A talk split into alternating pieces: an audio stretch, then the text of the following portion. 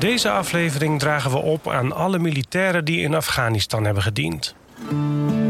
Ik ben niet bang om te sterven, nu niet. En uh, denk nooit niet, want ja, het is gewoon onderdeel van, van ons zijn hier op aarde... dat ieder leven eindig is. Oh, Foxy Foxtrot. Als iemand daar altijd op danste. Het is gedraaid op een uitvaart en het paste perfect. Bram Vermeulen beschreef het zo raak in zijn liedje Het Testament. Dood ben ik pas als jij me bent vergeten. Vroeger was de dood een taboe, maar tegenwoordig is een gesprek hierover al veel normaler. Dat gesprek voeren we in deze podcast. Ik ben Hajo Magree. En ik ben Patty Lou Medalleen We praten in deze serie met mensen die werken in het uitvaartvak. Wat drijft hen? Wat maken zij mee? En we gaan op bezoek bij mensen voor wie de dood heel dichtbij is geweest. Hoe gaan ze daarmee om? En hoe heeft het hen beïnvloed? In de derde aflevering praten we met Angelique Stijn. Ze is muziekkenner en ondersteunt uitvaartverzorgers en nabestaanden bij het samenstellen van muziek bij een afscheid. Maar we zijn eerst op bezoek gegaan bij Jasper Molenaar, oud-militair.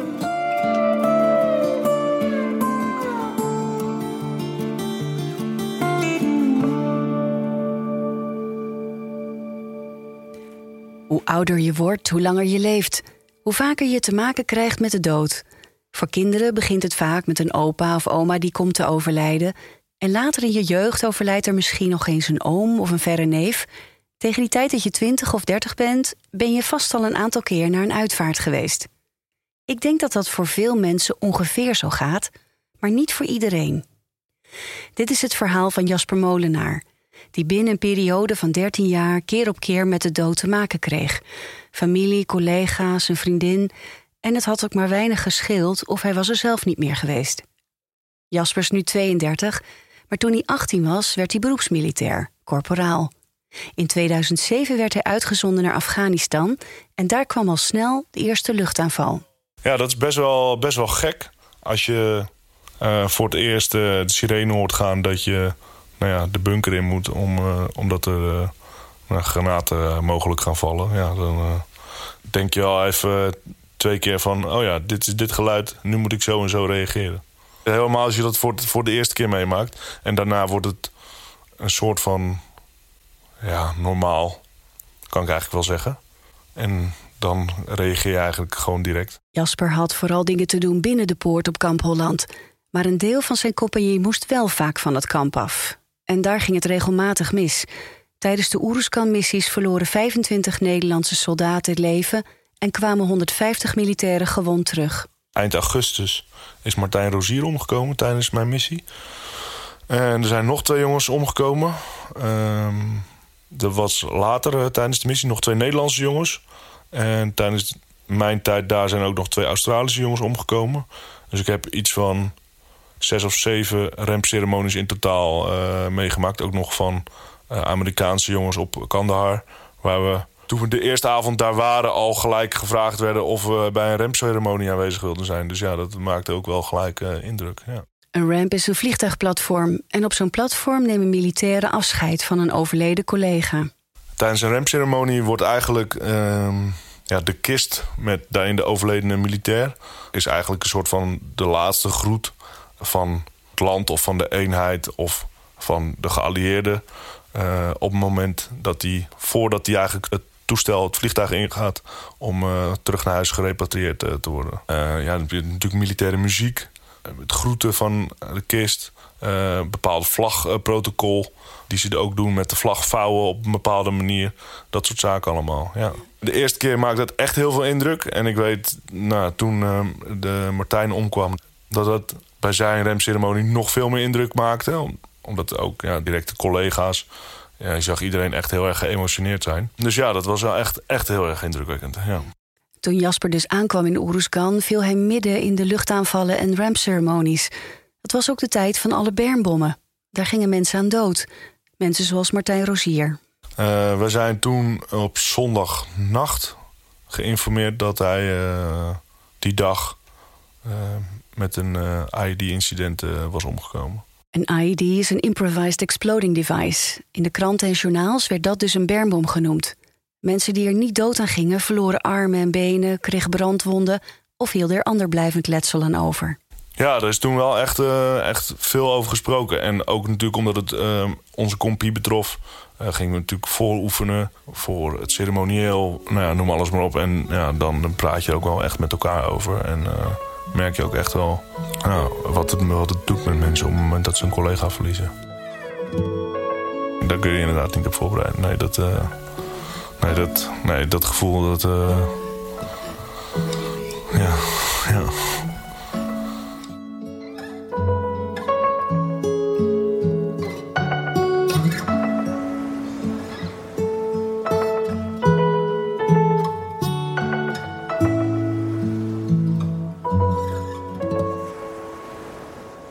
Straks praten we verder met Jasper. Maar eerst Angelique Stijn. Zij was 20 jaar muzieksamensteller voor de radiozenders in Hilversum.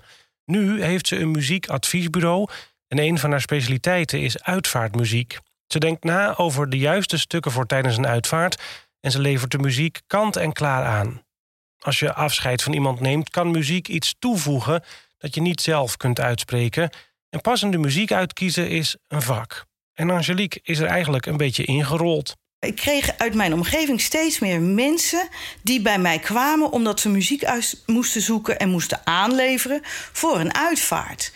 En dat, dat is heel divers geweest. Weet je, via, via, soms, ja, dan moet je even naar Angelique. Want die heeft dat waarschijnlijk wel. Want ik heb natuurlijk ook heel veel CD's en LP's en singeltjes en zeg het maar. Dat is ook gewoon zo. Maar dus misschien heeft Angelique het. Maar ik kreeg ook steeds moeilijkere vragen. Een van de eerste dingen die ik kreeg toen ik nog geen muziekbureau had, was een. Uh, letterlijk een kladpapiertje, zoals je nog een kladblok had van dat, van dat dunne papier. En er was met potlood fonetisch waren daar een aantal liedjes opgeschreven. En dat was uh, voor de schoonvader van de visboer in het dorp. En die zei: Kun jij dit lezen, Angelique? Ik kan dit niet lezen. Weet jij wat hier staat? En eh, ik moest echt puzzelen, maar ik ben er helemaal uitgekomen. En het was een klassiek en geestelijk. En geestelijk wist ik toen op dat moment echt amper iets van. Zeker niet het, uh, het protestantse, de protestantse kant, want ik ben katholiek. Dus, maar ik ben er helemaal uitgekomen. En die mensen waren zo dankbaar dat ze konden draaien wat die vader ooit had opgeschreven op dat kladblokje. En dat opende wel mijn ogen. Toen dacht ik, dit, hier zit wat in. En daarom is ze bij uitvaartbedrijven haar diensten gaan aanbieden, die dan hun klanten beter kunnen helpen als het over muziek gaat uitvaartbegeleiders, als die aandacht gaan krijgen voor muziek, dan komen ze ook heel veel vragen tegen. En, en als ik er dan ben als achtervang, dan kunnen ze die vragen ook gewoon gaan oplossen.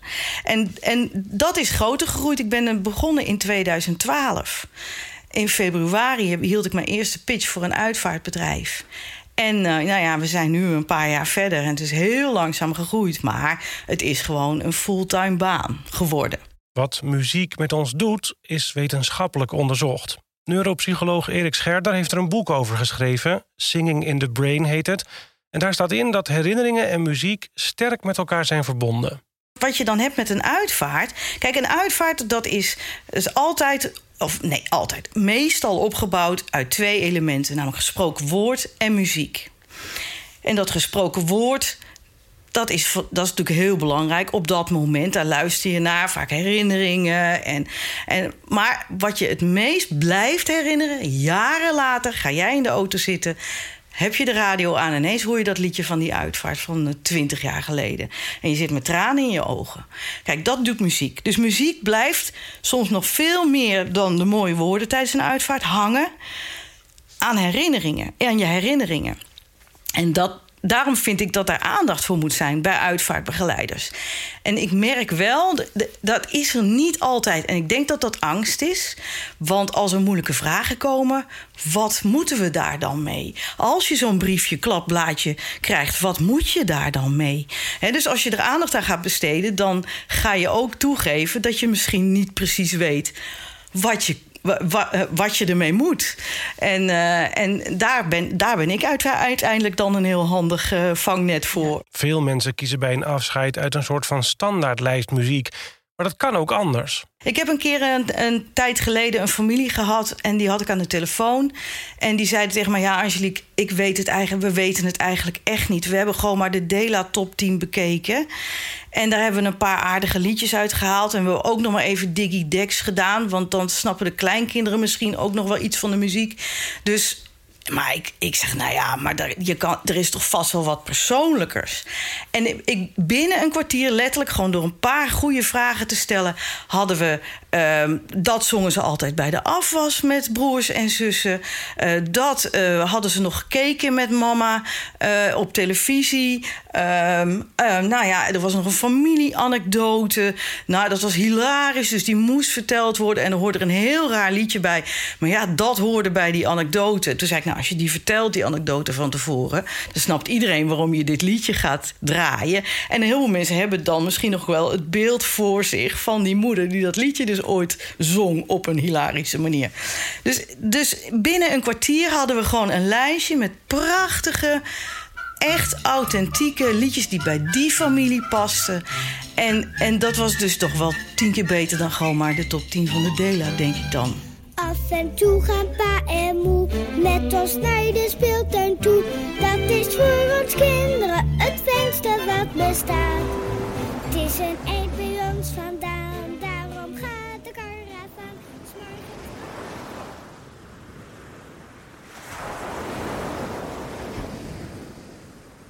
De terugkomst was eigenlijk um, heel gek. Echt, echt heel gek. Terug in Nederland is het wennen voor Jasper. Daar heb ik echt wel moeite mee gehad. Uh, uh, de eerste paar jaar misschien zeker nog wel. Ja. Ik denk wel dat het iets zegt over perspectief. En uh, dat veel mensen in Nederland zich misschien minder dan ik realiseren hoe vreselijk goed we het hier hebben. In 2011 gaat Jasper weg bij Defensie en gaat hij werken op Schiphol. Dan wordt het 2017. Jasper is dan 30. Op een goed moment krijgt hij een griepje. Een griepje dat eindigt met een spoedoperatie. Zondag op maandagnacht werd ik uh, wakker met griepverschijnselen. Toen ben ik nog gewoon naar mijn werk gegaan. Toen heb ik op maandagmiddag tegen mijn manager gezegd... dat ik me graag ziek wilde melden voor dinsdag. Dat ik dinsdag had ik nog een late dienst. En woensdag, donderdag was ik vrij. Dus toen dacht ik van nou, ik zie het even uit. En dan uh, ben ik vrijdag, uh, moest ik weer werken. En dacht ik, nou, dan ben ik er wel weer. Maar dat uh, ging even anders. Eigenlijk werd alles in die week werd alleen maar slechter. Ontlasting werd slechter. Nou, ik lag eigenlijk de hele dag ziek op bed te zijn. Het voelde alsof er een goede grote kei rechts in mijn buik lag. In overleg met mijn moeder donderdagavond hebben we tegen elkaar gezegd van... morgen ga je naar de huisarts. En dan ga je na laten kijken. Want inmiddels zagen mijn lippen ook blauw en waren mijn nagelriemen verkleurd. En uh, ja, was ik echt, uh, echt heel goed ziek. Toen ben ik vrijdagochtend, zoals gezegd, naar de, naar de huisarts gegaan. Uh, die verwees me na het horen van mijn klachten direct door naar de spoedeisende hulp van uh, Kennemer Gasthuis Zuid in Haarlem. hij ging ervan uit dat ik een blinde darmontsteking had. Dat was rond 12 uur s middags dat ik in het ziekenhuis aankwam. Ik heb, ben nog zelf in de auto daar naartoe gereden. Dus vrijdagmiddag in het ziekenhuis gelijk urine en bloed afgegeven. Nou, daar zagen ze mega ontstekingswaardes in. En toen vroegen ze aan mij van... hoeveel pijn heeft u? Toen zei ik, ja, ik voel wel dat het niet goed is, maar hoezo? Toen zeiden ze, ja, normale mensen die dit hebben... die gaan echt door het dak van de pijn. Toen dacht ik, ja, maar wat heb ik dan? Nou, het bleek dus dat een stuk darm geperforeerd was uiteindelijk uh, lag ik om zes uur op de OK. En was ik om half tien s'avonds uh, weer een soort van bij. Ik was echt mega krokkie van de morfine. En ze hebben uiteindelijk 20 centimeter dunne darm verwijderd. Waar later op bleek een tumor van 9 centimeter op te zitten. Na de operatie heb ik een week lang in het ziekenhuis gelegen herstellende. Nog een week later kreeg ik het nieuws dat het, dat het kanker geweest was op, me, op mijn dunne darm. En die uiteindelijk die tumor voor perforatie gezorgd had. Jasper blijkt een unieke ingekapselde vorm van kanker te hebben, maar deze vorm is goed behandelbaar. Sinds de operatie slikt hij medicijnen, pillen. Hij moet ze nog een jaar blijven gebruiken en hij moet nog vaak op controle komen. dat het kanker was, dat vond ik eigenlijk niet eens... Ja, het is wel schokkend, maar ik vond dat moment dat ze vertelde aan me... dat ik niet uh, zeg maar twee dagen had moeten wachten... en dat het fataal had kunnen zijn, dat was wel echt... Uh, die kwam wel echt, echt heel erg binnen bij me. Dat je echt denkt van ja, oké. Ik ben dus echt door het oog van ergens een naald gekropen. En ik weet niet welke naald, maar uh, ik ben er doorheen gegaan en ja, ik ben er nog.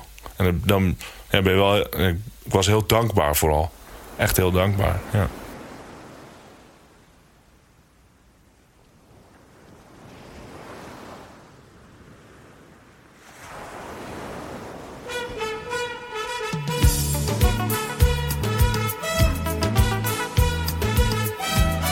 Als je maar die aandacht eraan besteedt, dan krijg je altijd mooie verhalen te horen. In die verhalen vindt Angelique vaak aanknopingspunten voor het uitzoeken van de juiste muziek, ook als het soms ongepast lijkt. Je hebt natuurlijk altijd families waar er iets is van dat hoort niet. He, zo die anekdote, daar twijfelden ze toen heel erg over. Dat is wel een goed voorbeeld van ja, zullen we dat nou wel doen? Dat is zo raar. En er is altijd een deel van de familie die vindt dat je moet doen wat hoort. Hè? Want echt alleen maar klassieke muziek, dat hoort dan ook soms hè? in sommige families. Maar ja, soms hoort het helemaal niet bij degene die is overleden. Dus de, nou ja, het is de keuze. Als je dat wil, moet je het altijd doen. Hè? Maar ik denk ook, ja, als je iets persoonlijks kan maken. Ik heb een keer een uitvaart. Dus toen vertelden ze, ja, uh, ik weet eigenlijk niet of het kan. Maar de dochters en vader, die gingen altijd de auto wassen op zaterdag. En dan gingen ze altijd met hun billen, zeg maar zeep invrijven op de auto op uh, Julio Iglesias. Echt het meest verschrikkelijke van Julio Iglesias.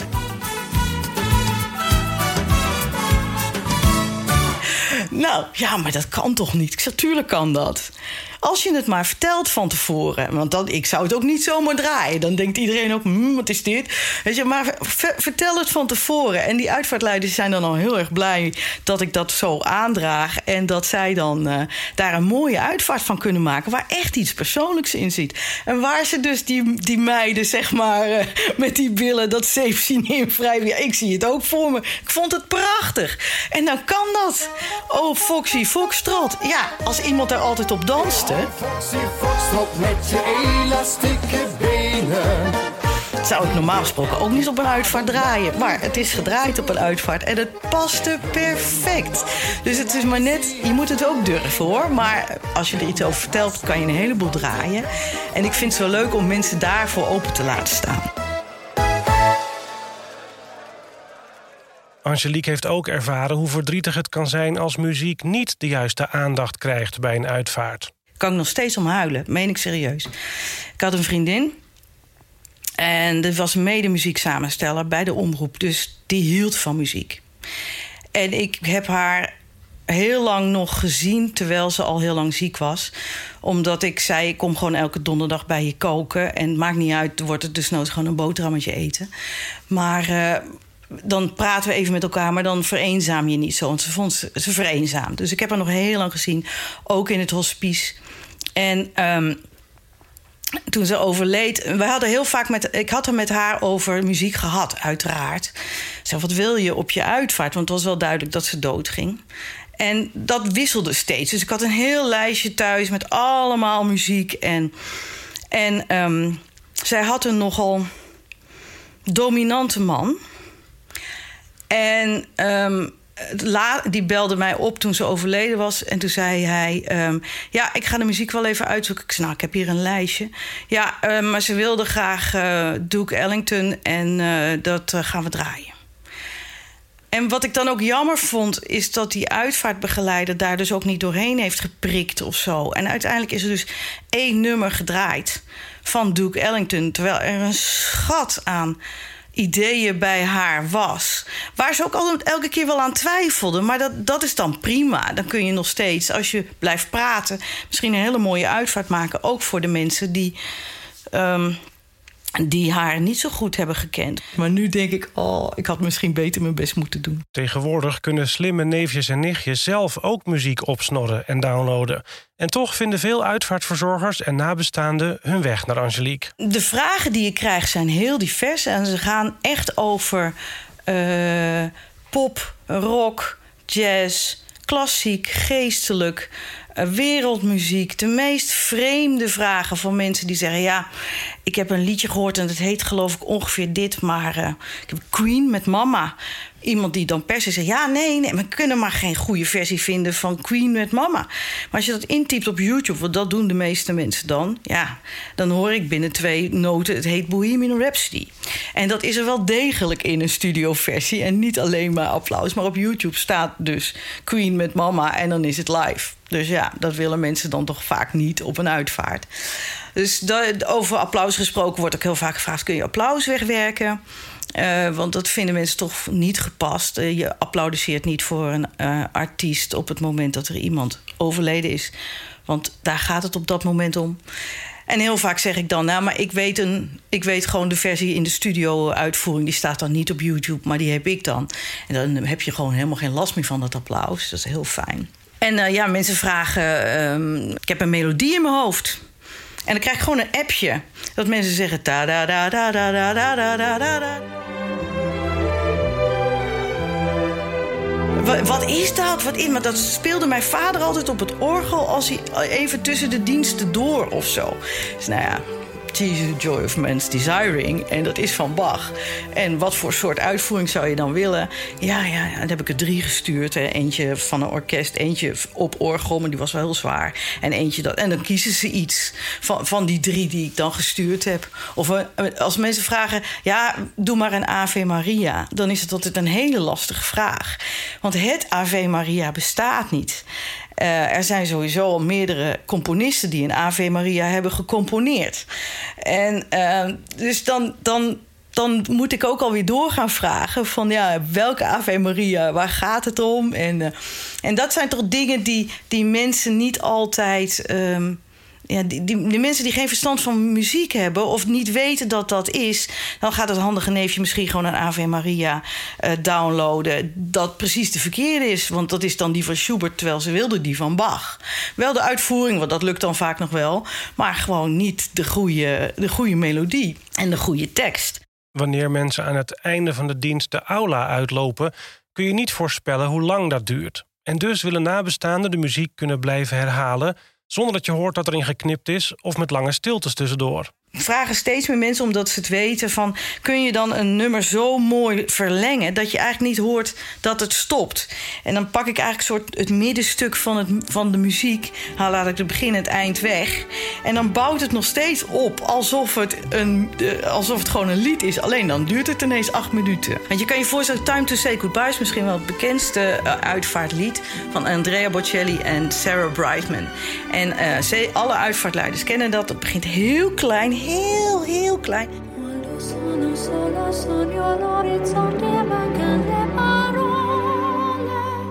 En dat eindigt giga hard en groot. En als je dat dan stopt en je begint weer opnieuw bij dat hele kleine, dan is dat best lelijk. Dus al, ik heb een versie en ik heb verschillende lengtes. Waar, ze gewoon elke keer begint wel Sarah Brightman, maar niet aan het begin. Ietsje later heb ik dat gepakt en dan is het toch al een bepaalde opbouw en die blijft er maar in zitten. En ik had iemand die had conservatorium gedaan en die zei: Ik hoorde niet wat je had gedaan.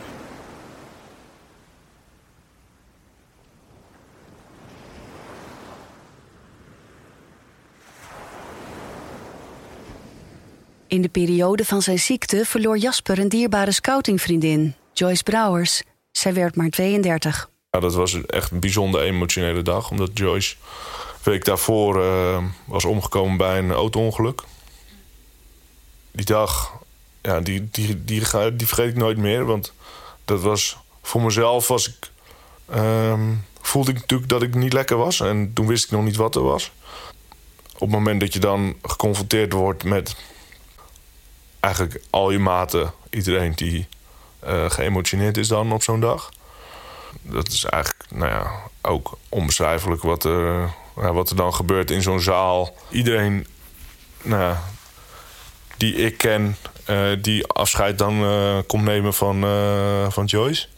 Vorig jaar gingen we met zes jongens gingen we naar Praag toe, een weekendje bier drinken met, met wat gasten. En toen hebben we het ook s'avonds ook nog over gehad met z'n allen. Dat zelfs zij er dankbaar voor zijn dat ik er nog wel ben. Omdat het natuurlijk, ja, eh, niemand had zich in willen denken uh, wat er gebeurd was op het moment dat ik ook nog gegaan was. Een paar maanden later kreeg Jasper weer te maken met verlies. Vlak na elkaar gingen zijn opa en oma dood. Daar zat maar elf dagen tussen. Ik durf te zeggen dat ik dat niemand gunt. En zelfs mijn ergste vijand niet. Ik heb geen vijanden, maar het is een mooie uitspraak altijd. Ja, op het moment dat... Ja, dat is eigenlijk nou, niet te beschrijven wat het, wat het met je doet. Wat, het, wat voor verdriet je bij je ouders vooral ziet. Ja, dat is... Ja, Jasper kan zich alle tweede uitvaarten nog goed herinneren. Vooral omdat het gelukt is om er echt iets persoonlijks van te maken. De uitvaart van mijn opa, wat daar heel bijzonder aan was, ehm, was dat het in zijn kerk was. Uh, waar hij uh, vanaf kinds af aan al uh, zanger in het koor was. Dus voor mijn gevoel zingt het koor dan ook nog, nog net even mooier, harder en beter. Ook omdat ze natuurlijk hem missen. En wat ik daar ook nog goed aan herinner... is dat we zijn niet meegegaan naar de, naar de plek van de crematie uiteindelijk. Maar we hebben hem voor het laatst met z'n allen in de auto geduwd. En dat was nou ja, ook het laatste moment dat we... Ja, ja, wat er ook dan bijzonder aan is... dat hebben we bij de moeder van mijn moeder ook gedaan. Dat je dan met alle mannen uit de familie uh, zelf de kist kan dragen. Ja, dat is wel eigenlijk te gek dat het tegenwoordig allemaal kan.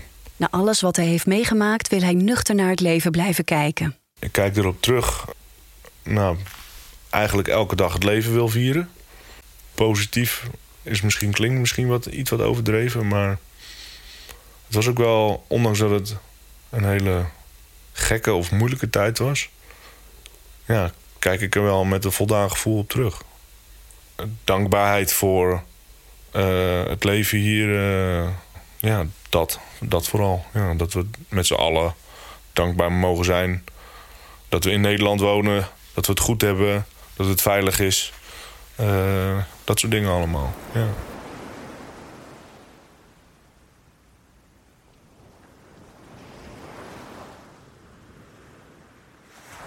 Angelique Stijn heeft niet alleen een muziekadviesbureau, ze werkt ook nog steeds voor de radio en daar werkt ze voor het programma The Sandwich.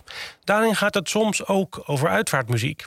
Er was het al gewoonte om uh, rondom Allerheilige Allerzielen een uitzending te maken waarin gevraagd werd aan luisteraars: wat wilt u op uw uitvaart? Of wat heeft u gehoord op een uitvaart wat indruk maakte? En vertel voor ons vooral waarom. We draaien in principe alles. Als u het maar uitlegt. Want we moeten het wel begrijpen. Hè? Want je kan, uh, weet ik veel, uh, Love Me Tender hè, doen van Elvis Presley. Maar als je daar geen verhaal bij hebt, dan is het ook maar gewoon een liedje. Dus wij zochten altijd wel naar de mooie verhalen. En ik heb van het begin af aan dus um, ook meegemaakt. Vanaf 2000 maak ik dus in november zo'n programma. En ik ben degene die al die brieven, in, in eerste instantie nu allemaal mail en Facebook berichten en weet ik wat allemaal allemaal verzamel. En ik stel daar dan een mooie lijst van die gewoon ook in balans is. Dat het niet alleen maar droef is en niet alleen maar hè, dus oud. Of, maar dat er echt een mooie, mooie balans zit. En, en ik let natuurlijk ook dan op alle verhalen. En die lees ik ook allemaal. Dus daar krijg je soms hilarische verhalen. Dat je denkt: oh, dit is werkelijk fantastisch. dit verzin je niet. Tot hele zware verhalen van mensen die het zowel gedraaid hebben bij de man als bij de zoon. Als bij, nou ja, zo dichtbij dat je denkt: ach, wat een verschrikkelijke verhalen. Maar dan wel van de put ik troost uit. Veel mensen putten troost uit muziek. En. Um, draai de muziek van een uitvaart ook nog soms heel lang door. Ook thuis luister ik nog heel vaak aan. Dan denk ik altijd weer aan. Dus die troost en, en de rouwverwerking, denk ik, is ook een heel belangrijk onderdeel van muziek. Van al die mooie muziek heeft Angelique een Spotify-lijst gemaakt. En de link naar deze lijst vind je in de show notes van deze aflevering. En daarmee zijn we helemaal aan het einde van aflevering 3. Heb jij een vraag over uitvaarten? Neem dan contact met ons op via Instagram, Twitter, Facebook of e-mail. Je vindt alle links in de show notes.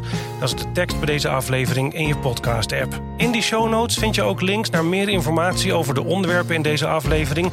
Of ga naar onze website, helemaal aan het einde.nl. Daar vind je alles overzichtelijk bij elkaar. Heeft deze aflevering je geïnspireerd of geraakt? Schrijf dan een review bij Apple Podcasts of laat een rating achter. Of als je luistert via Spotify, deel de aflevering. Dan help je anderen om deze podcast te ontdekken. Vergeet niet om je gratis op deze serie te abonneren met de subscribe of abonneerknop. Dan verschijnen nieuwe afleveringen automatisch in je podcast-app.